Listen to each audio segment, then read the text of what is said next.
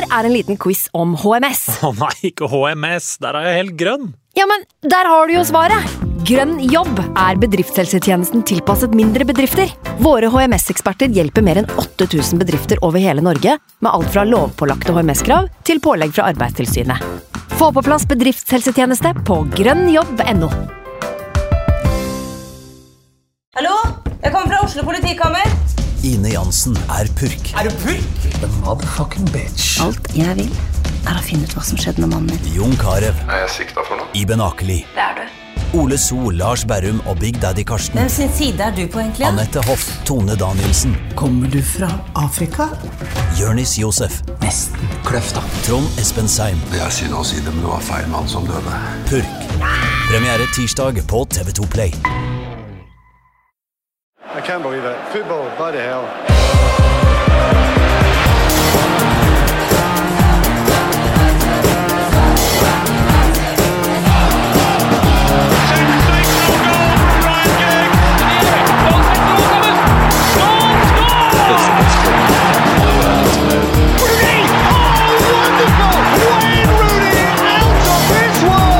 was when I was in Manchester.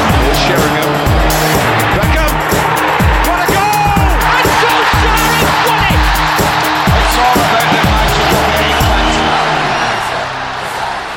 Midt i sesongen, eh, midt på tabellen. Eh, Velkommen skal du være til United We Podcast. Nå er vi i det minste videre i Champions League, da, så det er jo en eh, liten trøst. Velkommen til Sebastian Brynestad, humorist, TV-fjes og manusforfatter. Det stemmer. stemmer. Og smed nå.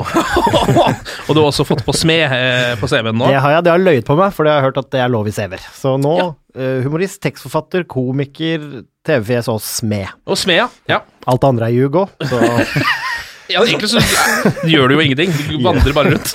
jeg bor inne i dette studioet, av og til får jeg være med på pod. Det er en eh, quid pro quo-greie.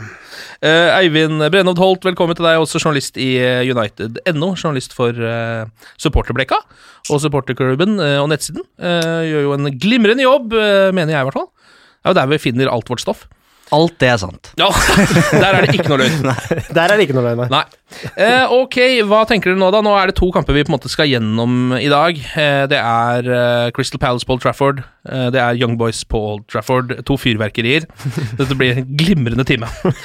Sebastian. Jeg, nå, nå, vet du hva, nå gleder jeg meg. Det sprudler av Nå husker du 0-0 mot Palace. Fy fader, det kilte, i posen! Jeg skal være ærlig, Ken, eh, fordi eh, jeg tenkte jeg skulle si det at jeg skal vise at jeg kan lære av mine feil. Ja. For jeg var jo her etter Juventus-matchen som vi snudde i Torino. Ja. Og da blei vi beskyldt for at det var eh, litt i overkant negativt, og vi snakka også om det i den episoden, husker jeg at det er litt rart å sitte her og være negativ etter at man har snudd en sånn kamp. Eh, men for å ta det positive først, da. Mm. for det er, det, det er nok å ta tak i, det er det ingen tvil om. Men United er videre i Champions League. Ja. De er i åttedelsfinalen, og det er eh, Uansett hvordan det så ut, så er det en slags sånn milepæl, Ja. syns jeg, eh, i sesongen. Sportslig er det viktig, for Mourinho tror jeg det var avgjørende. Jeg er veldig usikker på hvordan dette hadde gått hvis United måtte ned til, på, på Mestalla Mm. og få med seg eh, poeng derfra. Det, det er jeg usikker på, og det tror jeg Mourinho kjente litt på. Han ville avgjøre det den kvelden, og det tror jeg var veldig viktig for prosjekt Mourinho. Nå sitter han i hvert fall fram til det, det er jeg helt sikker på. Eh, Og ikke minst økonomisk. Vi tjente jo mer i Europa League-sesongen enn vi gjorde i fjor da vi røyk for Sevilla. Mm. Og det viser litt hvor, hvor mye penger som er eh, hvor, hvor viktig det er å gå videre her. Og det å gå, ryke ut av et gruppespill, det hadde vært eh, Dette kan ikke jeg mest om, men sånn økonomisk så er det utrolig viktig å være med når det drar seg til i Champions League og en åttedelsfinale. Nå blir det sannsynligvis andreplass, det blir tøft og, og alt, men det er noe å se fram til. Nesten uansett hvordan, eh, hvordan det ser ut nå fram til februar, så, så, så er det et eller annet med Mourinho og de utslagsrundene som gjør at jeg, jeg gleder meg litt Ja, til det. ja, ja, ikke sant? Men, men allikevel, da, så, så er det jo sånn at man sitter her i overkant strenge. Ja, men vi rana Juventus uh, i den, uh, den seieren der. Men holder, holder stand. Det er fotball er fotball. Kniper det, herregud. Det var ingen som sklei lenger på knærne på parketten enn meg den kvelden, men, men det er allikevel liksom et ran mot uh, Juventus, og Kom igjen, det var så vidt det gikk mot Young Boys. Ja. Det smaker jo ikke trofé av det avansementet. Men du har rett, det er Mourinho. Men imellom en sånn 0-0 eh, Palace og knepent Altså, jeg ble glad når United gikk videre, men det er en smak av at dette kommer til å fisle ut i år med absolutt ingenting. Ja, nå er det jo altså det jeg tenker er jo De eh, er jo nå videre fra Champions League før siste runde eh, med ett mål på hjemmebane. Og det sier jo egentlig alt om Manchester United akkurat nå.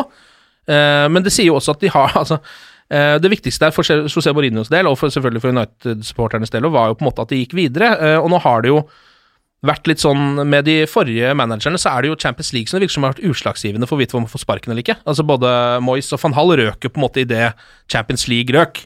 Og hvor enn de lå på tabellen, om det var femte-sjetteplass eller hva det var, så virka ikke som det var utslagsgivende, liksom. Det var Europa. Ehm, så det, jeg tror også det at, det at hvis José Mourinho hadde gått på en smell nå, så er det ikke Altså, da kan det hende det litt utenkelig hadde skjedd at han hadde ryket nå uh, før på en måte man kommer i gang med andre halvdel av sesongen, da. Men, men da lurer jeg på hva Hvis han skulle Hvis han ikke hadde Hvis han hadde ryket, da, borte mot Sevilla, ikke vunnet nå den forrige Altså, hva, hvorfor sparka han nå? Ja, det er ikke noe det, Nei, det, jo, det må jo bare bli en sånn nesten symbolsk. ja, altså, da blir det sparking for sparking. Altså, Ja. Nå har det jo tydelig sagt ifra at vi tror på dette prosjektet. Så har det jo vært noen Ja. håpløse bomkjøp. Den beste spissen vi har, er Maruane Fellaini. Eneste som finner mål.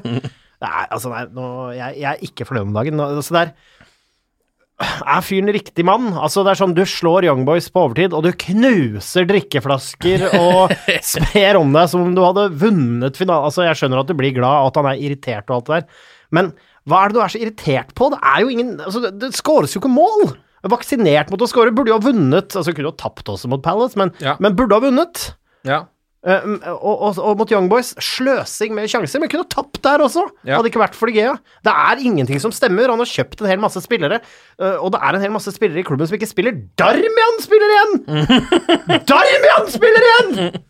Jeg har en lang, jeg har altså- med en lang liste, jeg tenkte jeg skulle ta den litt uh, seinere. Men Mourinho graver seg ut av gjørma, og det ser ikke bra ut. Og, mm, men han gjør det. Altså, han, han har vært Ja. trengt oppi et hjørne så mange ganger nå. Ja. Og hver gang så, så redder han det på et eller annet vis.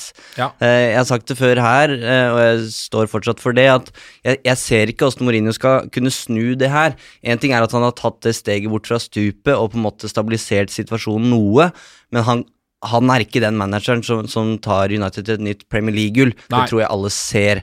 Så det er litt sånn Man går egentlig bare Sesongen er ikke over på noen som helst måte, men man går liksom bare og venter på at dette her skal, skal Ja. være over.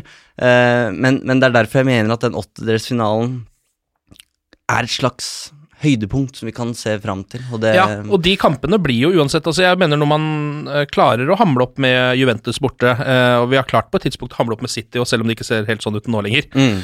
så viser det seg at de kan jo eh, på en helt utrolig god dag, med veldig mye flaks, slå de beste lagene, og det kan skje i Champions League, det. det er, mm. det er liksom det lille, den lille optimismen man skal ha, må man jo rette ditover, tenker jeg. Og derfor så tenker jeg liksom bare Altså ehm, Og så syns jeg også litt forsvar for José Mourinho. Uh, det er ikke mye forsvar jeg kommer med overfor den mannen, men akkurat uh, det med at han Det er ikke tilfeldig at uh, United under José Mourinho klarer å avgjøre kamper på overtid. Fordi, ja, og, men det er sånn, uansett hva som skjer, så blir det bikka vendt negativt mot Mourinho. For det er liksom Um, De gangene hvor, han da, sånn, hvor det ikke skulle skje, hvor de faktisk ikke klarer å få det målet, så får jo han den i trynet. Hvis de klar, faktisk klarer å få det målet, som du har vist seg nå at de systematisk gjør over en ganske stor rekke kamper, noe jeg mener ikke er tilfeldig Selv om de burde skåret tidligere, så skårer de til slutt, da. Og avgjør den kampen, så er det også negativt overfor Mourinho. For da er det sånn, hvorfor avgjorde du ikke før? Så han får liksom ingenting her heller, da. Ja, men kan han ikke si det han sier i disse pausene, da? Som av og til skjer, ikke sant? Og det er Ja. helt Det er abysmalt dårlig. Ja. Og så kommer de tilbake fra pausen, og så er, det noe, noe greier, ja. så er det noe greier. Hva er det han gjør feil? Hvorfor gang på gang på gang kommer United ut og får ikke til en damn shit? Mm. Spiller dårlig, det er lite løping, det er kroppsspråk. Litt nervøst kroppsspråk ofte. Ja, ikke sant? Og, og en hel masse altså, og, og spillere som ikke får sjansen. Og, det, er så mye som bare ligger der og ulmer, og så kommer byttene, og så Ja, og så blir det noe, og så blir det et lag, og så kjemper man til siste slutt, og så går det, eller så går det ikke. Ja. Uh, de, mot Palace, hadde han vunnet den, og vunnet mot Young Boys, så hadde vi sittet her antageligvis med en helt annen prat. Men han, Ja. han får ikke til det.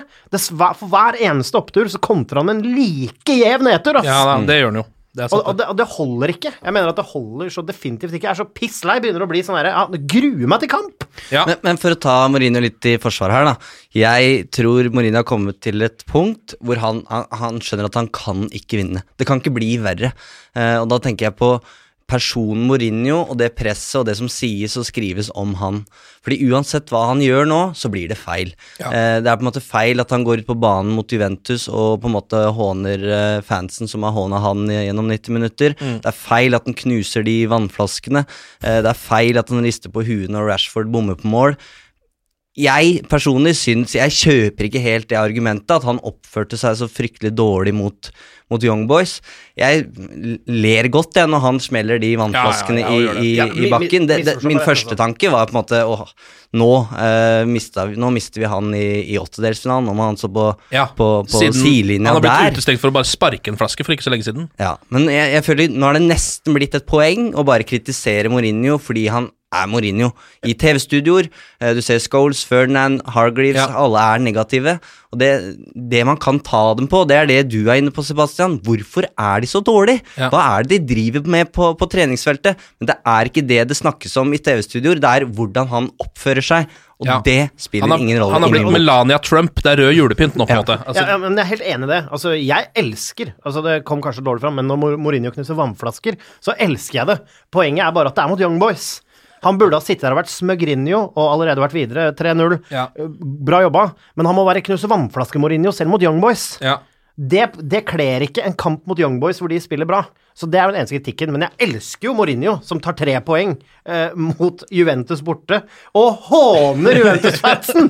Herregud, jeg har laga en rekke sånne manipulerte eller photoshoppa bilder hvor Mourinho håner på Slottsbalkongen og håner etter kring.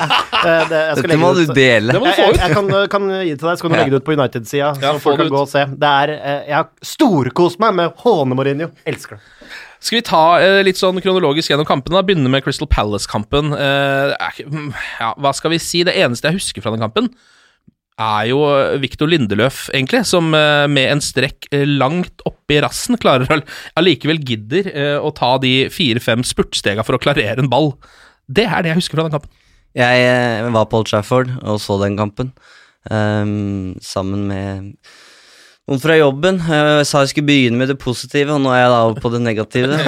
Um, vi satt der, jeg satt sammen med kollega Anders eh, Serener, vi satt sammen og, og kikka på, og så går kampen sin gang. Og jeg tror ikke vi hadde spilt mer enn 25-30 minutter. Uh, og så snur Anders seg til meg og så sier han Eivind, det her det kan bare ikke fortsette fram til mai. Det, det, det går ikke. Det, det nytter ikke, fordi du ser allerede der at her blir det en kamp mot klokka. Ja. Man begynner å kikke opp og tenke ok, nå må det skje noe her. Eh, og det største faresignalet, det er mulig inntrykket mitt av den kampen er litt sterkere enn det det ville vært hvis jeg satt og så den i, i sofaen eller hadde en kampvakt på united.no, men den likegyldigheten som er på Old Trafford nå, den har jeg aldri opplevd før, og jeg hadde sesongkort der under David Moyes. Ja. Um, det er det at man ikke bryr seg. Altså, fordi man, man blir ikke overraska. Man blir ikke overraska over at United stanger mot Crystal Palace og Young Boys Nei. og ikke klarer å skåre mål, og det er jo et, et ekstremt uh, dårlig signal. Jeg Altså, det er ikke folk- piping lenger engang. Nei. Folk har slutta å bue. Nettopp. Folk er tomme. Ja. Eh, det er ikke piping, og et av de sånn beste tegna på Old Trafford, det er liksom når United jakter scoring, og så leses det opp at det er eh, fire minutter tilleggstid. Og da tenker folk liksom ja, du, fire Mm. minutter, det her har vi vært med på før, det her kan gå. Og så blir det det derre eh, roar, ja. som det heter på engelsk, og sånn eh, Buldrer. Ja, det buldrer fra, fra tribunene. Nå var det, det var helt knyst. Mm. Folk bare gikk, liksom. Ja. Eh, og så får de på en måte rett, fordi United er ikke Det var jo Crystal Palace som Hvis noen hadde fortjent seieren, så var det de. Ja. Og, og samme, samme med Young Boys-kampen. Det var vel 7000-8000 som hadde gått hjem. Ja. Eh, når det gjelder som mest, det var glisne tribuner. Folk bare Ja, ok, greit. Takk for nå, uh, Mourinho. Ingen buing, ingen Mourinho out, ingenting. Nei. Og det er nesten verre, altså. Hadde hun enda vært sinte supportere som sto igjen og sa fuck det her og kom Nettopp. med, gutta. Nei, nei, nei. Det er bare Jeg gidder ikke. Nei. Nei, Jeg vet ikke om det er mer å dra fram fra Crystal Palace-kampen. Jeg syns egentlig det var en ganske god oppsummering, Eivind. Kanskje vi bare skal, uh, Skal vi- dele ut noen poeng, eller? Skal vi ikke bare gi tre poeng til Lindeløf, og så Ja, kalle det en kveld? Ja, jeg lurer på om det er det vi den. faktisk skal gjøre. Jeg er helt enig i det. Tre poeng til Viktor Lindeløf. Uh, eneste som kunne gå derfra med uh, en viss form for integritet, føler jeg, etter den kampen der. Og så, da, uh, Young Boys i Champions League hjemme på Old Trafford. Um, flere ting som vi kan ta tak i, bortsett fra selve kampen. Du var inne på det, Sebastian. Det er glissent på tribunen allerede før kampen begynner. Nei, altså, det, Det, Det, hvor ofte skjer det på Old Trafford i en Champions League-kamp? Det er ikke så ofte, altså. Sett i ligacupen, Ja, men det er ja. eh, lenge siden jeg har sett i Champions League. Det er en avgjørende Champions League-kamp hjemme på Old Trafford. Eh, en kamp som eh, veldig mange tenker at United skal, eller burde vinne. Så da tenker jeg at det burde, bare det burde trekke litt folk. Altså, man kan, ok, La oss være litt sånn nøkterne nå, da. Det er, altså, det er Young Boys. Det er, Ja ikke, en, eh, det er ikke en eh, stor motstander, men det er United i Champions League. Kan sikre gruppespillet. Det er jo en fest i seg selv etter den, den suksessen man hadde borte mot Juve, eller Mm. den gode avslutninga. Eh, men når det er sagt, ja, det er et, det er et kjempeillevarslende tegn. Det er jo Mm. en stadion det egentlig skal være i rift om å komme inn på, ikke sant? hvor du må gjøre researchen din Ja. noen uker i for, forkant Mm. for å komme inn. Spesielt på viktige kamper, da. Så, så, så det er et kjempealarmsignal, men, men det er jo ikke så rart. Fordi hvilke, hvilke United-fans tror genuint på Champions League i år? Ja. Ingen. Og da i tillegg når det er Young Boys, i tillegg til den grusomme forrige matchen, eh, og når du ser uttaket til den matchen, og du vet hvem som sitter på benken Altså Han har jo de store altså Kulthelten Bailly, han er jo helt ute i kulda. Uh, du har en Sanchez som ble kjøpt inn med brask og bram og pianospill og stilige videoer, som har skåret Hvor mange mål har han skåret?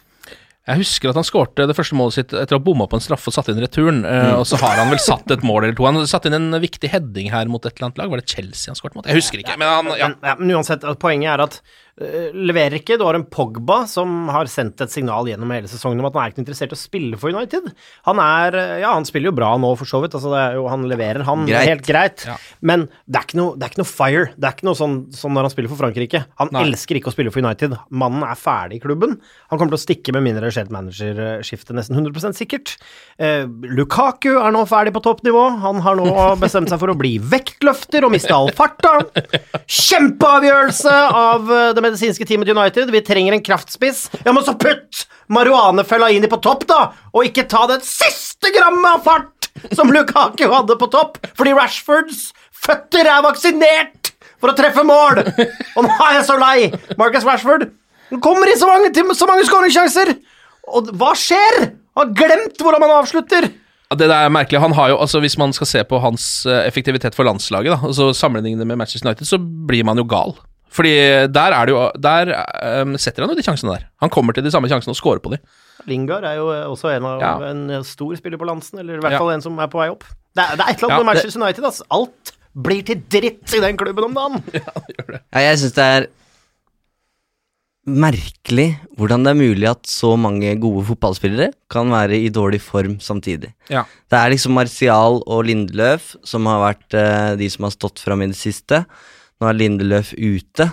Phil Jones kom inn og gjorde det bra, han altså for all del. Ja Men, eh, og når Mourinho velger å starte sin skjebne, eller enda en skjebnekamp, da, uten sine tre største stjerner, så, så får jeg det ikke til å stemme. Um, han, han gjør tre bytter mot eh, Crystal Palace, som det, det, det gjør ingen endring. Du Nei. ser ingen som helst endring. Og da tenkte jeg, når det var sånn 20 minutter igjen, så tenkte jeg hvorfor, hvorfor gjør du ikke bare noe helt annet? Hvorfor kan du ikke bare sette noe um, Sett nå Sanchez på topp foran Lukaku, spiller med to spisser.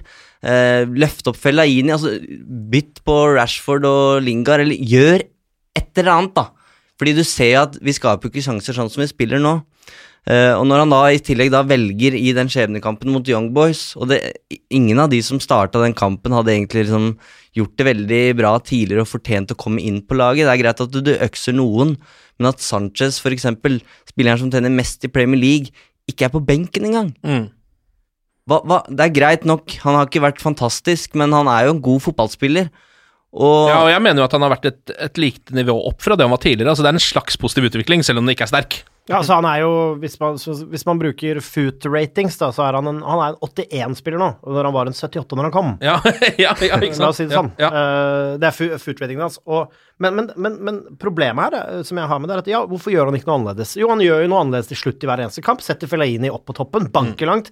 Og ja, det gir resultater, det. Mot Juventus, og det gir resultater mot eh, Young Young, Boys, Boys. ja. Da riktignok med en nydelig vending og en avslutning uh, der. Han er to meter Messi, som jeg vil få lov til å understreke. Men hvorfor ikke spiller man på topp hele tiden, da? For det er der vi scorer målene våre. Målene våre. I det, Ja. altså, hadde han spilt på topp mot uh, og vært en nuisance, da, eller fått litt fri rolle opp og ned og hjelpe tilbake når det trengs altså, Det virker som det er det eneste våpenet om dagen. Ja.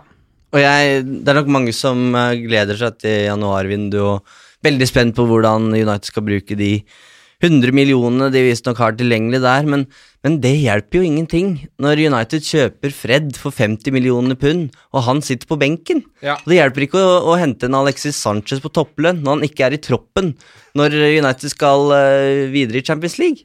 Nei. Ikke glem det unge talentet Diogo Dalot, som viste store takter når han fikk sjansen forrige gang. Ja. Ja, eller Lee Grant! Nei, nå sitter jeg jo, jo, jo, men, men også det er Jeg helt enig med deg. Jeg ser, jeg ser tallet 100 mil, og det eneste jeg tenker er at flott, da har vi, lov til, da har vi råd til å kjøpe liksom Hva blir det? Blir det Andy Carroll, da, på en saftig lønning? En eller annen kraftspiss? Altså, jeg ser ikke hva, hva, skal, hva vi skal få inn nå som, som redder dagen. Vi blir nødt til å selge Sanchez på brannsalg, og hvis vi får dumpa han i januar, kanskje. Mm. Det vil jeg tro klubben er interessert i, for å frigjøre lønninga hans. Kanskje en byttedeal med penger mot en annen stjerne i en eller annen litt mindre klubb, hvis noen er tilgjengelig. Jeg veit da faen. Ja, fordi er han eh, Nå vet vi jo ikke dette, nå må vi bare spekulere, da, men eh, grunnen til at han er satt ut helt fra laget da mot Young Boys i en avgjørende match, liksom, er det en er det et, nok en sånn slags maktdemonstrasjon fra Mourinho, eller er det altså, er han så dårlig? Er han, hva er det? Er han småskada? Er han sur? Vil han ikke spille? Er det noen som har noe Jeg- som helst tanker om det? Jeg synes at hvis det er noen som skulle vært droppa fra det laget her, så er det Nemanja Matic. Ja, Han har jo vært litt grusom i flere kamper nå. Han gjør sannsynligvis akkurat det Mourinho ber om, og om han da er fornøyd Det kan godt hende Mourinho har rett i at liksom, korthuset kollapser hvis han Ja. Fullstendig, da. eh, Hvis han eh, ikke er på laget. Men jeg, jeg har liksom lyst til å se Pogba, Fred eh, Kanskje Andreas Pereira altså, Gjør noen endringer, da. Ja. Det, det, det, det er jo det man må gjøre når det ikke, når det ikke fungerer. Men jeg er litt opptatt nå da, at man Vi kan snakke mye om de store spørsmåla, hva som skal skje videre etter Mourinho i sommer og sånne ting, men det er liksom ikke det som er mest kritisk nå. Jeg synes Det som er mest kritisk, er hva kan Mourinho gjøre nå? For det er så vanvittig mange ting. Jeg har en lang liste her. eh, Ken, kan jeg få lov til å lese Ja, den opp? For jeg synes det er bare, Dette er bare de spillerne som, som er på laget, og hvor mange utfordringer det er egentlig sånn totalt, da. Eh, Antonio Valencia, kaptein. Har han vært skada, eller har han ikke vært skada? Og når er det han skal liksom spille fast? Bailly, hvordan ble han fjerdevalget på stopperplass?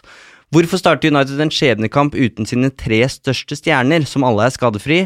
Når skal Matic droppes? Skal ikke 50-millioners-signeringen Fred satses på likevel? Når skal Lukaku skåre igjen? Hvordan skal Rashford få selvtilliten tilbake? Hvorfor er ingen i form samtidig? Og når skal Mourinho ta ansvar for et skuffende resultat?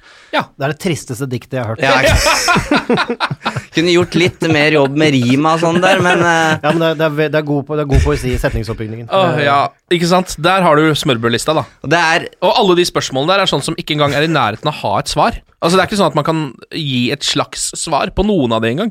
Ikke sant. Så det er, det, er, det er mye lidenskap i altså det, er, det er et hjertesukk, det der. Og uten å nevne navn, men en uh, fyr som har figurert i denne podkasten, så kan folk spekulere hjemme, sendte meg tidenes melding, eh, tidenes melding her. Um, hvis Matic starter neste kamp, reiser jeg til The Lowry og kapper av Mourinho pikken mens han sover. det var kampreferatet, intet annet. Ja, nei, det, det er også et mysterium. He, altså, hele det greiene med Nemanja Matic er jo helt merkelig. For det, en, det, det han har vært kjent for, er jo veldig få personlige feil og gjøre veldig trygge valg og være god på det. Og det er jo nettopp det han ikke får til lenger. Det er jo, eh, ja. Og ikke er han målfarlig heller, ikke sant? så da Nei, er han best of no world. Ja. Nei, eh, bortsett fra det så er det vel eh, ting å trekke fram fra Young Boys-kampen. Eh, den helt sinnssyke redninga til David Hea kan vi jo trekke fram. Eh, Vendingen til uh, Marihuane Fellaini på overtid der. Han gir Ja. ikke opp den mannen. Han henser. Har dere fått med dere det? Det har jeg ikke fått med meg, men det syns jeg er bra. Ja.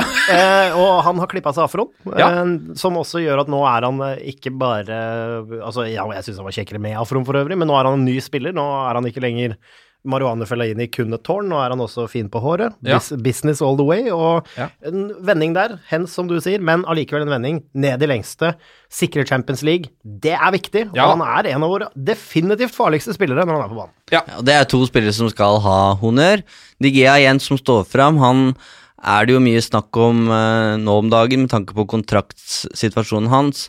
United må jo bare, bare punge ut det som, uh, som må til, for United trenger verdens beste keeper akkurat nå. Ja. Med tanke på de signeringene vi har bomma på tidligere, så er det litt sånn uh, skremmende å tenke på at vi skal ut og hente en ny keeper, syns jeg. Nå og- har jo også alle de andre lagene nettopp også topplagene bytta keeper. Så de beste keeperne har jo nå forflytta seg, så det er ikke så mange igjen å hente heller. Men hvem skulle kjøpt, eh, hvem skulle kjøpt De Gea nå? Real Madrid kan ikke kjøpe De Gea nå, etter uh, Courtois. Nei, du har jo jo Juventus og PSG som det har vært litt snakk om, da. Ja. Ja, men jeg tror ikke han vil til PSG. Nei. Det vil jeg ikke tro, men Juventus er et alternativ. Men jeg håper og tror at med en riktig strategi, jeg tror det er viktig for DG nå han, har, han er verdens beste keeper, han skal vinne noe i sin karriere. Han fortjener å vinne masse i sin karriere. Jeg forstår hvis han ønsker seg vekk, hvis klubben sier ja, nå kjører vi bare på med Team Mourinho her, eh, vi har ikke noe plan, uh, nå skal han få noe mer penger, og så skal han kjøpe noen spillere til Benkos, og så tar vi det derfra. Men han må se en tydelig strategi, og jeg tror teamet rundt den mannen er ganske avventende før den kontrakten blir signert. Definitivt. Og jeg, for å være ærlig, jeg mener at dette er en Ronaldo-situasjon. Ja. Uh, hvis Digea går nå, så skal vi bare applaudere han hvor enn han går. Så Ja. lenge det ikke er Liverpool, liksom. Men Jeg kan være litt enig i det. Han- han, har han har vært gjennom noen sesonger med smerte helt til å være så god som det han er. Ronaldo uh, har jo alltid vært elska på Old Trafford, og han var del av en eh, Ferguson-epoke som var vanvittig suksessrik. Vant det han kunne. Digea har vært gjennom Moyes, van Gaal og nå Mourinho og, og signert ny kontrakt uh, i løpet av den tida og, og, og stått der. Ikke klagd et sekund. Ja. Tenk så mye han har hatt å gjøre. Tenk så frustrerende det er å stå og se etter at du har gjort fantomredning etter fantomredning, som mot Young Boys. Så står du og ser på at uh, at Ingen medspillerne dine bare tuller det til i motsatt ende av banen. Ja. Så han Ja.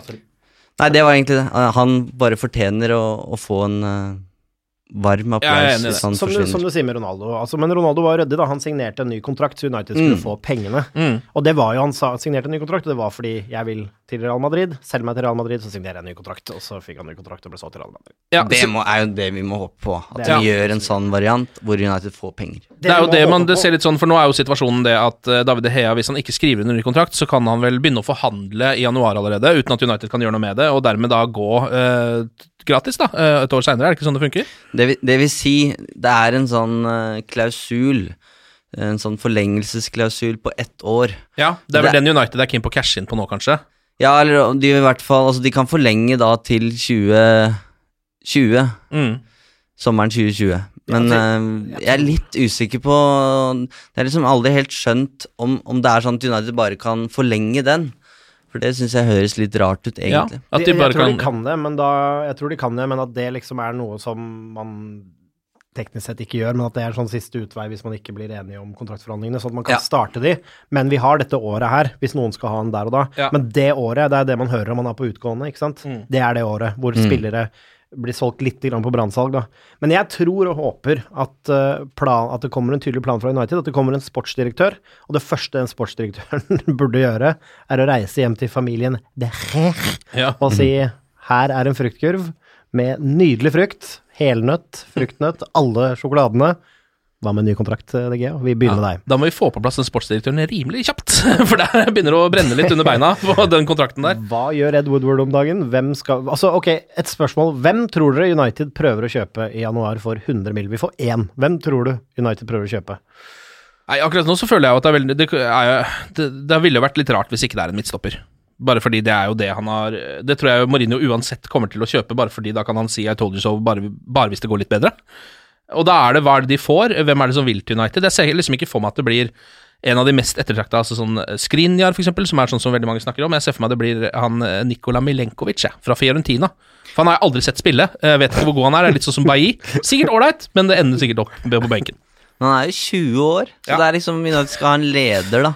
Ja, ja. Eh, jeg tror også Skrinjar er liksom det som har liksom seilt fram som det åpenbare valget når liksom Alderweireld har vel ikke vært fantastisk eh, og er jo eldre, og Ja. liksom de andre, Harry Maguire, høres litt sånn grått ut, så det er liksom Skrinjar. Men eh, de er jo mer Champions League sannsynligvis videre, de også, da. Så, Ja. Og han kan uansett ikke spille for United i Champions League. Nei, ikke sant? sånn sett så er det jo det, da, det blir jo den turneringen forhåpentligvis vi må satse på, så det er jo litt rart å kjøpe noen som ikke kan brukes der også. Men da Mm. sitter du igjen med ganske dårlig Eller ikke dårlig, men det er ikke så stort utvalg, da, hvis du ikke kan ta med de som går videre i Champions League. Kjenner jeg United rett, så blir vi sittende igjen med Sanchez og kjøper ny venstreving. Eh, enda en venstreving. eh, det er jeg ganske sikker på, Ja. fordi vi samler på venstrevinger. Vi er klubben Venstrevinger kommer for å dø.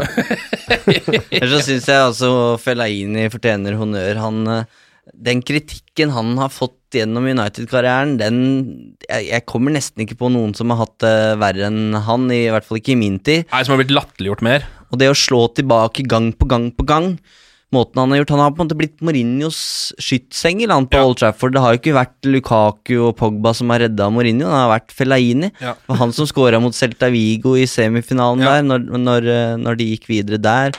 Og skåra noen viktige overtidsmål mot Arsenal og Derby, og så han har liksom ja, så lenge han er fornøyd med, med den rollen han har, altså at han ikke spiller hver kamp, og at han blir en litt sånn plan B-løsning, det er det som er Ja, problemet. han bare Så blir verden. Fellaini er blitt symbolet på alt som er galt med United. Mm. Fordi når Fellaini kommer på banen, så skal United spille smelle ballen langt og håpe på det beste. Hail Marys, ikke sant. Der er Fellaini en av verdens beste. Men det er nettopp det. Fellaini mener jo kanskje at han er en bedre spiller, og han hadde jo noen divanykker her på overgangsvindu, men det er det Fellaini gjør. Men det er jo problemet. United skal ikke trenge en Fellaini som en plan B hver eneste gang. Nei. Altså, I hvert fall ikke mot Young Boys og Crystal Palace. Altså, Hadde Nei. spilt mot uh, City, så er det noe annet. Ja, ikke sant? Det- da er det kjempebra når du ligger og stagger, at Ja. du kan sette på den mannen. Men han er nå Altså, han burde jo, sånn som ting, i tingenes tilstand, så burde det være plan A. For United klarer ingenting med det som nå er plana. Ja, Burde bare spille Tony Pulis-fotball og få Fellaini opp på tå. Han hadde sikkert blitt toppskårer, vet du. Fordi altså, er det én ting Pogba kan, så er det jo å slå langt uh, opp presist. Når det gjelder disse innleggene eh, og de lange ballene, så kan vi ta en runde på det. For det er jo United.no har lagt ut en litt sånn interessant statistikksak nå, fra Oppda, eh, statistikkbyrået. Og det er jo det at Manchester United er de blant eh, topplaga i England som slår helt klart mest innlegg. Eh, det er bare to lag som slår flere innlegg i det hele tatt. Det er Huddersfield og Leicester. United har 15 innlegg per kamp. Som bankes inn i boksen. Eh, av de eh, så treffer 15% medspiller. Det er ganske lavt! Det er lavt. Det, det verste tilfellet der er jo Ashley Young, Ja. som hadde elleve innlegg mot Crystal Palace. Ikke Ikke på ett. Ett av dem gikk til medspiller. Ja. Eh, og det er, jo, fordi det er jo litt urovekkende, for dette er jo spillestilen til José Mourinho. Er jo egentlig dette å få ballen ut på, eh, til en av de bekkene, eh, slå ballen fram og tilbake der i støtte i ti minutter, og så prøve å banke den inn i feltet. Eh, og en, altså 85% av tilfellene så ender det med at ikke ballen engang treffer en medspiller. Og fra ballen treffer en medspiller, så vil jeg jo si at det er kanskje 5% sjanse for å score på den sjansen. Derfra også. Ja, jo, men det- så, så det er liksom Men Det det er helt totalt håpløst, da. Da blir det, da blir det null mål, da. Men, det- men det hjelper ikke å slå mot liksom et engelsk uh, fighterlag med engelsk forsvar. Nytter jo ikke å slå innlegg på Juan Mata og spagettimannen Rashford, Nei. som er en finslepen tekniker for, så vidt, uten avslutningsteknikk nå, da. Ja. Men, men altså, det er, vi har Lukaku. Det er det Lukaku skal gjøre. Han skal vinne den duellen og stange inn. Og kanskje var det som var målet da, med at han skulle legge på seg muskler, at han skulle eie boksen. Men poenget er at hvis du skal spille den, så spill med Hvis du skal gjøre det, banke innlegg på innlegg på innlegg, så sett nå for guds skyld inn Fellaini, da! Ja. Som kan komme inn i den boksen. Han er jo, han er jo høyere enn 90% av ligaen hopper! Ja, ja han er det. Jeg, jeg syns jo strategien er fornuftig, med tanke på at det er Ja. Fellaini Nei, Lukaku som er toppspiss. Men eh, mot Crystal Palace så, så bestemte jeg meg en, fra avspark at nå skal jeg følge med på Lukaku og se. Kanskje gjør han en del ting som han ikke får med seg på TV. Men etter et kvarter så gadd jeg ikke mer, for da han hadde bare stått der mellom de to midtstopperne. Ja. Han gjør noen ting som er bra, altså, men, men han har jo et førstetouch som er eh, demotiverende, for å si det hyggelig å se på. Ja. Eh, og de innlegga når de Jeg veit ikke hvorfor de ikke treffer, ja, men det er vel en kombinasjon av dårlige innleggsføtter og det at man uh, har en Lukaku som er litt for stillestående på topp. Det er Ja. Uansett hvor god man er på huet, så tror jeg det er veldig lett for Sako å ta ut Lukaku når han veit at det er den eneste mannen jeg er nødt til å Ja. Ja, selvfølgelig. Og, og, og, og når du har da Altså Det er jo Ashley Young, da, som vi sier, som står for mye av innleggene. Og ja, du kan diskutere at han har en dårlig innleggsfot, eller at det ikke alltid stemmer, men fyren blir jo aldri brukt i den posisjonen han skal spille. Han er nå 45 år gammel, eh, og Og altså, får altså, nå ny kontrakt. og får noen ny kontrakt. Altså, fint å ha han i stallen, i hvert fall nå som det viser seg at han kan spille wing og høyre og venstre back, og gjøre det helt høvelig. Altså, Ja. han har, altså, han har gjort store prestasjoner, og med Luke Shaw, altså de posisjonene som vi trodde vi skulle slite med før året, eh, så har jo faktisk noen tatt steget. Altså sånn Lindeløf, Shaw Ja. eh, Det viser seg at Nyang også til dels eh, Eller, eller ja, gjør, det helt høvelig. Problemet er at i den fasen der så har de spillerne som vi før sesongen trodde at liksom Der har vi i hvert fall Lukaku, Pogba, eh, Martial, eh, Rashford, Lin, Lingard var det jo forventninger til. Så tenk deg alle de spillerne. Vi hadde fått inn Fred, en spennende spiller. Pereira Matic leverer alltid. Matic trygg og god bak der, og med Fred og, og Pereira og, og liksom alle disse gutta som kan trikse og fikse. Og nå har du ikke nevnt Alexis Sanchez engang. Å nei, det er fordi han er Jeg vet ikke hva skal jeg nevne han for. Eh, men, men ja, hva er det som skjer? Det er Altså, Mourinho har alle brikkene.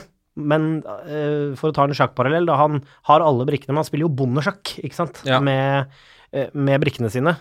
Han har hest, løper, tårn, konge, dronning, uh, bønder. Alt står lina opp for han. Han klarer ikke å sette sammen. Han får ikke prestasjonene ut av spillerne sine, og der ligger problemet. Det ligger ikke at han sparker vannflasker eller gjør teite intervjuer, det gjør Mourinho. Mm, veldig han, godt. han får ingenting ut av eh, laget sitt. Veldig godt oppsummert. Det er som en kompis av meg sa, fotball er litt som forretninger. Eh, når du går fra å tro til å håpe, da er du gjerne i trøbbel. Altså Ja. når man liksom tenker sånn åh, tenk om vi slår Young Boys i dag. Da er det liksom ute og sikler. Da er det kjørt. Eh, og som sagt, jeg hadde jo sesongkort under den Moyes-sesongen, og da var det på en måte et husker jeg tusj, jeg bestemte meg for jeg, jeg gidder ikke å stå i kø for å komme meg på, på trikken hjem. Jeg, jeg tusler hjemover, liksom. I min pøl av mislykkethet så vandra jeg da hjemover, sikkert i regnvær. Og United lå på sånn som det ligger nå, 7-8 eller noe, så tenkte jeg dem, Ja, men det blir jo ikke bedre enn det her. Hvor, hvorfor På et tidspunkt så liksom slutter du å tro at ja, nå er, du, nå er det et fint kampprogram, og han er i form, og han er i form. Nå, nå kan vi bygge litt momentum, og så får man gang, og så Dette blir bra. Man klorer seg inn blant topp fire. Men jeg også føler at man er litt der nå, at liksom Har man sett noen tegn på at liksom, det her skal bli bedre? Hva, hvor, hvis Mourinho skulle stilt Si at, si at uh, United var eh, et politisk parti, uh, og man skulle stilt til et valg, da. Mourinho skulle gått til valg 1. januar. Hva er det han skulle gått til valg på? Hva er det han skulle liksom, sagt til sine velgere at derfor er dere nødt til å velge meg? Uh, kick water bottles uh, very far. altså, problemet er at uh, Ferguson trakk United-kjelka, da, eller laget på kjelka, opp hele korketrekkeren. Han gjennom sørpe og dritt. Til slutt så sto han på toppen av korketrekkeren og alle koste seg. Men siden han ga seg, så har vi bare klubben rutsja ned igjen på en kjelke av van Gaal, Moyes og Mourinho. Og det er ingen bremse på dette her, ikke sant? Det er sånn kjelke uten, og alle har kjørt det. Det er livsfarlig! det er gøy til tider, men også veldig farlig svingende. Veldig godt bilde. og så ender du på bånn av korketrekkeren, hvor vi er nå snart på bånn. Da må vi bestemme oss. Skal vi kjøpe, et, eh, skal vi kjøpe oss en trikkebillett, liksom? Ja. Og komme litt fortere opp på toppen igjen? Eller skal vi prøve å la liksom en mann med glatte italienske sko, eller portugisiske sko, dra denne kjelka opp i en korketrekkeren? Fordi han får liksom kleppetak hele tida. Er dere med på den Ja, jeg er med på den, fordi det er akkurat når man begynner å se at man er i midten av bakken, så sklir liksom kjelka ned igjen eh, et par-tre meter i løpet av veldig kort tid. Ja, og da, den Eh, aketuren er ikke så gøy som fra toppen. Nei, Og så er det helt umulig å hoppe av kjelka også, for vi er jo United-supportere. Vi kommer ikke av den kjelka, vi sitter fast med den kjelka til vi, til vi dør, vi. Vi gjør det. vi gjør det. En livsfarlig kjelke som vi nå alle, alle tre sitter på. sånn man begynner etter hvert å "Hvorfor- Hvorfor hoppa jeg på den kjelka i utgangspunktet? Det jeg kanskje valgt noe Så ser du de andre kjelkene, vet du. De kommer, kommer forbi. Men eh, vi koser oss på vår personlige limbokjelk. Vi, vi prøver å sette litt ord på det her i nyeste US, som gikk i trykken denne uka her. Vi har ikke Ja, vi har ikke en så god uh, kjelkemetafor, men, men uh, vi har lista opp det vi mener er de 15 viktigste spørsmåla om Manchester United akkurat nå. Hvor vi egentlig bare har gitt opp å på en måte prøve å, å gi svar på f.eks. hva skjer når United ansetter en sportsdirektør. For det er veldig lett å tenke som en supporter at ja, du ser alle de andre klubbene som har det, det har blitt så bra, liksom. Men det er jo ikke en automatisk suksess bare å, å ansette en sportsdirektør. Eh, Hvor mye makt får eh, vedkommende, f.eks.? Hva slags eh, innflytelse får nå Woodward på overganger? Skal han fortsatt sitte ved, ved forhandlingsbordet? Ja, 15 sånne spørsmål hvor vi egentlig bare prøver å sette ord på den der frustrasjonen og bekymringa som mange United-supportere sitter inne med. Og det har vært vanskelig å jobbe med, men det har, det har også vært uh, veldig spennende å se hvor, hvor uh, mange spørsmål som er eh, Ja. man sitter med her om dagen. Altså, det var en ting du sa innledningsvis i podkasten som jeg beit meg litt merke i, som er litt sånn Som jeg tenkte sånn Ja, ja, det, det er jo sant. Altså, du, du, du trakk fram at United nå, med denne kvalifiseringen, økonomisk får liksom eh, vinning. Mm. Og det er en ting som jeg har hørt hos andre eh, United-supportere. Sånn, ja, men vi drifter jo så økonomisk, Ja. og vi har grønne tall og sånn. Vi har begynt å bry oss om å ha grønne tall. Det er en liten sånn trøst. Vet du hva? At glaciersene får stappa puta si med mer hamp, det driter jeg i, ass. Det er sånn at Vi har begynt å bli opptatt av økonomien, og det er liksom det som det er gått dit hen. Altså, nå, se på PSG, har masse gjeld og Ja, ja. Vet du hva, jeg kunne ikke brydd meg mindre. Hvis vi hadde kjøpt Kylian Mbappe og, og Harva over Liverpool på hjemmebane har vært ålreit. det. ja, ja, ikke sant? Vet du hva? Da kunne tallene vært så røde de bare vil. Jeg trenger en opptur. Eh, apropos PSG, kan ta noen rykter. Alexis Sanchez vil visstnok dit, eh, sies det. Det er vel greit, det, kanskje, akkurat nå. Jeg vet ikke helt hva vi skal få klemt ut av den appelsinen. Hvor skal han spille på PSG? På, Ja, altså, hvorfor skal han jeg, må, jeg må bare være ærlig at jeg er helt enig. Hvor, hva, jeg gikk faktisk og tenkte på det i går. Hvis Alexis Sanchez nå skulle finne seg en ny klubb, Mm. på hvilket nivå er det? Og jeg må innrømme at PSG var ikke mine tanker da, altså. Nei. Han kan få Jeg Men tenker bare, noe sånn Inter ja. Altså at han må rett og slett et Roma, ned. Og AC Milan, liksom. Ja. jeg klandrer ikke han, men altså i fotballen, det, det er jo som på bilmarkedet, altså verdien din faller ganske raskt, altså hvis Ja. du på en måte ikke har noe å vise til uh, de siste seks månedene. Det er jo Ja. Torres, dette her, på en måte. All over again. En av verdens beste i sin klubb. Uh, og så kommer overgangen sånn som når Torres gikk til Chelsea, så er det bare ingenting igjen. Mm. Og hvor gikk han da for å Da gikk han jo til moderklubben sin for å revitalize, så fikk han liksom en grei avslutning der. Jeg tror det er det som kommer til å skje med Sanchez. Han må redde, han må redde karrieren. Han har mista det totalt. Ja, jeg ser for meg at han kommer til å gå til Serie A, ja, for det er litt sånn sted hvor det er lov å være fallen stjerne, og ofte så klarer man å klemme ut en tre-fire greie år der borte. Så akkurat nå tror jeg det Jeg har en eller annen følelse på det. Men. PSG er helt enig, altså ehm, hvor, han Skal han ta plassen til Neymar, er det det han tenker? Eller? For han spiller jo på samme plassen som Neymar! Ja da, det og Eller Di Maria. altså Alle disse spillerne er jo bedre enn uh, Alexis Sanchez. Skal han utkonkurrere kanskje en Mbappe på Ja, topp? det kan på skal, kanskje. Eh, Juventus prøver seg visstnok på Pogba, er det sånne rykter som går på, i uh, januar.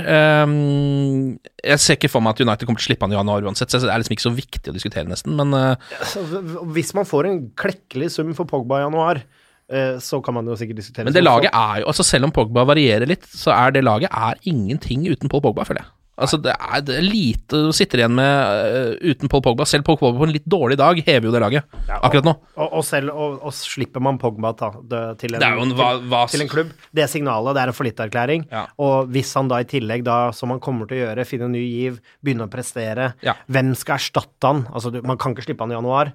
Han kommer Altså som De Gea, Pogba, eh, Martial Spillere som forsvinner i sommer hvis ikke det er en tydelig strategi på hvor, som caterer til dem. Mm. Det er blitt mye snakk om drømmer som har falt i grus her, men jeg husker jo da Pogba kom, så tenkte jeg han, han blir jo ikke ut karrieren, men tenk om vi får liksom ha han i tre-fire år før han går til Barcelona for fem Ja. milliarder. Ja. Det er jo ikke det så Det har jo blitt også det, også det har liksom blitt en, uh, en greie hvor du tenker at ja ja, hvis vi mister Pogba, så Det er, det er ikke verdens undergang, da. Uh, men uh, det som jeg syns er positivt her Vi husker jo hvordan det sto på tidlig i høst med Pogba og Mourinho, og på en måte hvert eneste ansiktsuttrykk blei analysert. Uh, den, den konflikten virker, eller i hvert fall stridsøksa, virker å være begravd inntil videre. Ja. Og United med Pogba og Mourinho på samme på samme lag virker å i hvert fall fungere greit. Eh, Det kan godt hende at hverdagen på Carrington eh, er at de egentlig ikke er på talefot, men det går i hvert fall uten de der eh, Ja. store overskriftene i, i mediene. Men, men når man ser forskjellen Jeg syns man ser forskjellen hver eneste landslagspause. Jeg syns det er et tydelig signal. Du ser smilet er tilbake, banegleden er tilbake. Se Pogba. Se på Pogba, en highlight reel av Pogba i løpet av en United-match, og ansiktsuttrykkene hans, og så ser man en Frankrike-match etterpå. Ja. Gutten trives ikke i klubben. Nei. Det er ingenting å lure på. Det er, altså, han trives ikke under Mourinho. Fotballen er ikke den fotballen Pogba vil spille, det er ikke den han burde spille. Uh, og folka han har rundt, er demotivert. Jeg tipper at det er jo unge folk, dette her. Mm. Altså, hvor, hvor var man selv når man var liksom mellom 20, 22-23, liksom? Hvis sjefen din var en drittsekk, når du jobba på 7-Eleven, Mm. så er det jo klart, når kollegaene møttes, så blei det dårlig stemning, og det kunne bli litt surmuling i bak kassa der når du skulle bake boller. Ja, så skal bake boller til, den jævla dritt. Og så bak bakte du de bollene, da. Ja. Men du la ikke sjela di i det. Det kan jeg bare si det. De pøl, om den pølsa lå litt lenger, skrev ikke svinn på den, den solgte jeg til en over gata til Deli de Luca for å se om det var noe wanted, eh, Help Wanted-skilt der borte. Han kommer aldri tilbake til Seven, tenkte jeg. Ikke sant? Så, men, men så tenker man jo litt på kunden også, så man pakker den pent inn i lompa og hygienisk og alt sånn, ikke sant. Men det kommer til et punkt hvor du ser liksom kundene borte hos Deli koser seg mye mer, da. Og du står som Seven-ansatt med øh, jernpisken på ryggen og bare Ja. nå, nå skal jeg bli kremmer bort på. Du er god på de metaforene, altså. Det. Jeg jobber også en del, skal ljuge på meg at jeg jobber med en del som frilansskribent, så det er bare å ta kontakt eh, hvis du ønsker en egen spalte fast. Dagens uh, ukas metafor i US, da, da stiller jeg. Det kunne vært noe. Eh, ellers så er det jo det, synes jeg, det her syns jeg er et litt merkelig, merkelig rykte, men Arsenal, Chelsea og også Paris Saint-Germain følger visst veldig med på situasjonen til Andreas Pereira. Ja, det skjønner jeg. Andreas Pereira, kjempetalent. Ja. Han, jo, han har jo hatt fantastiske preseasons, men han får jo ikke muligheten til å spille seg inn på laget. Nei. Gir jo ikke muligheten for at Altså, der hvor Matic har klippekort på å drite seg ut, så får han liksom en sjanse. Ah, ja, du skåret ikke, jeg hadde ikke den, eller du hadde en tabbe, sånn som Bailly. Ja. Er ute, er ferdig, saksa. Og da blir det det- Altså, hvem er det vi har grodd? Vi har Rashford Lingard. Han er jo en kjempespiller. Han kan bli en av verdens beste i sin posisjon. Ja. Jeg skjønner kjempegodt at eh, hvis jeg hadde hatt en fotballklubb, selvfølgelig ville jeg hatt inn Andreas Pereire. ja. Jeg bare tror jeg var litt overraska over at det var så store lag som snuste på han. eh, hvis det stemmer, da. Det er jo ikke sikkert det gjør det. Nei, nei, men altså, det hadde ikke sjokkert meg om det stemte. Neste kamp, eh, Southampton borte, det er på lørdag. De har vel to tap og to uavgjort de siste fire Premier League-kampene sine. Er ikke i kjempeform. 0-0 eller 1-0 til en av lagene. Ja, du tror det. Ja, det tror jeg. Hva tror du, Eivind? Jeg meldte 0-0 mot Crystal Palace, og jeg Ja. meldte seier mot Young Boys. Det, Du er på en streak. Den sto så vidt. Uh, Southampton er vel et av de laga som uh, Et av de beste laga Altså, et av de laga det er uh, deiligst å møte i Premier League akkurat nå. Uh, de er virkelig ute og, og kjører. Og, Så er det jo deilig for United å slippe å spille hjemme. Ja, så føler jeg United deilig, har gode minner da på St. Mary's. Ja. Så jeg tror, eh, jeg tror vi får se Martial i form igjen, ja. og så vinner vi en, en eller to. 2-1, kanskje? Ja. Mm. Håper på det, fordi nå er jo neste etter det er jo på onsdag. Nå kommer jo kampene fort, begynner å nærme seg jul. Da er det jo Arsenal. Eh, som jo vel er eh, liksom sterkeste motstanderen vi har på denne siden av, eh, av eh, nyttår, er det ikke det? Um, så da er det jo li greit å ta med seg en helt ålreit match mot Southampton, tenker jeg, inn der. Det er jo utrolig kjedelig nå med liksom en sånn Burde vunnet, men spilte 0-0 mot Southampton, og så skal du hjem og spille mot Arsenal. Jeg tror, eh, jeg tror det er større sjanse for at vi slår Arsenal enn at vi slår eh, Southampton. Jeg skulle akkurat til å si det. Det er så rart. Det der Åssen huet ditt fungerer under Mourinho. Men sånn Du tenker Southampton og ok, ja uff, Dem skal vi egentlig slå. Litt uggent. Men Arsenal, ja. Hvorfor ikke? Ja, Altså, men det er et eller annet Ja. med Mourinho og de gode laga. Da, da møter vi ofte opp. Det virker som det er litt sånn med spillerne òg, da. At de klarer Altså det at uh, Enten om de er pissnervøse når de spiller mot dårligere lag fordi at det blir så ydmykende å tape mot de, eller hva det er, uh, eller at de ikke klarer å gire seg nok opp. Det er vanskelig å si hva det er. Men jeg syns jo jeg ser en helt annen glød hos United når du spiller mot et bra lag.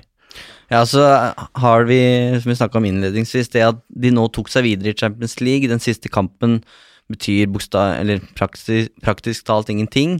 Så de går inn i den matchen her med litt sånn lave skuldre, tror jeg, og, og en litt sånn boost. Nå satte vi vel ikke poeng på den Young Boys-kampen, men, Ja, ja. eh, men Phil Jones mener jeg er en av de beste der. Ta en kjapp en nå, da. Har du Ja, Phil Jones. ja, Phil Jones? Phil, Phil Jones syns jeg var en av de bedre. Altså, David Hea, kanskje, for grunn av redningen der. Digge og Fellaini, kanskje. Ja, Ja. det er samme tre som jeg har. Jeg Mm. har mm. Fellaini på topp fordi han goller. Jones på to fordi han er god, og DG fordi han er DG. Ja, Ja, den står jeg for òg. Ja.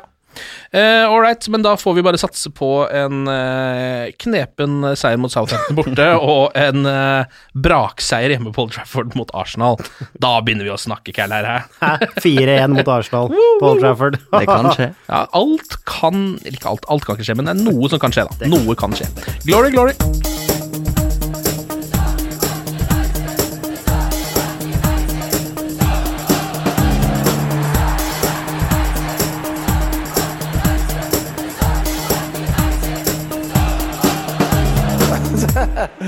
It's true. I've seen many things. Ukens annonsør det er matkasseleverandøren Hello Fresh. Der kan du velge mellom 25 ulike oppskrifter hver uke, eller få Hello Fresh til å sette sammen en meny for deg. Jeg sparer tid på å handle, oppskriftene er veldig enkle å lage, og så får jeg akkurat det jeg trenger da, til hver eneste rett, så jeg slipper å kaste så mye mat som jeg vanligvis gjør. Det er også litt deilig å faktisk slippe å gå på butikken, ikke bare fordi det er tidkrevende, og sånn, men fordi man ender opp med å kjøpe så mye greier som man egentlig ikke trenger, sånn som fire poser eh, Smash og en kick med havsalt, eksempel. Det er ikke det du egentlig er der for, du er der for å kjøpe, kjøpe middag. Så det er en veldig eh, kjekk ting. I tillegg så er det jo eh, ferdigporsjonerte ingredienser, det blir mindre matsvinn, og du betaler bare for det du faktisk trenger, og det du faktisk da spiser. I tillegg så blir det da levert på døra til et fastsatt tidspunkt, sånn at du kan få det akkurat når det passer for deg eh, sjæl. Hvis HelloFresh høres ut som noe for deg, så har jeg en rabattkode du kan bruke også. Gå inn på hellofresh.no og bruk koden HelloUnited24. HelloUnited i ett ord, også 24, og få opptil 1779 kroner i rabatt på de fem første matkassene dine hvis du ikke har prøvd HelloFresh ennå. Du kan også bruke koden hvis du tidligere har vært kunde, men har stoppa abonnementet ditt for tolv måneder siden eller mer. Det er ingen bindingstid, og du kan pause eller avslutte abonnementet ditt akkurat når du selv måtte ønske.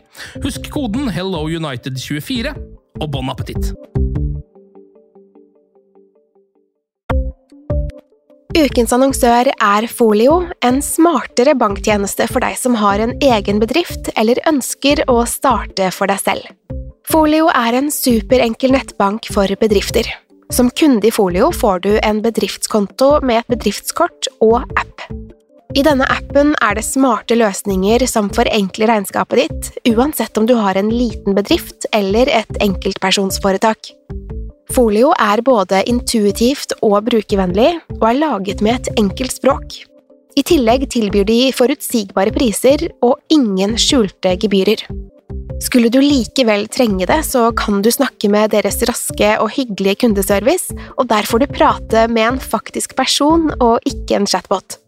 Folio er med andre ord både enklere og koseligere enn banken. Over 10 000 bedrifter har allerede valgt Folio som sin banktjeneste, så besøk folio.no og se hvordan Folio kan forenkle din hverdag også. Har du et enkeltpersonforetak eller en liten bedrift? Da er du sikkert lei av å høre meg snakke om hvor enkelt det er med kvitteringer og bilag i fiken, så vi gir oss her, vi. Fordi vi liker enkelt. Fiken superenkelt regnskap.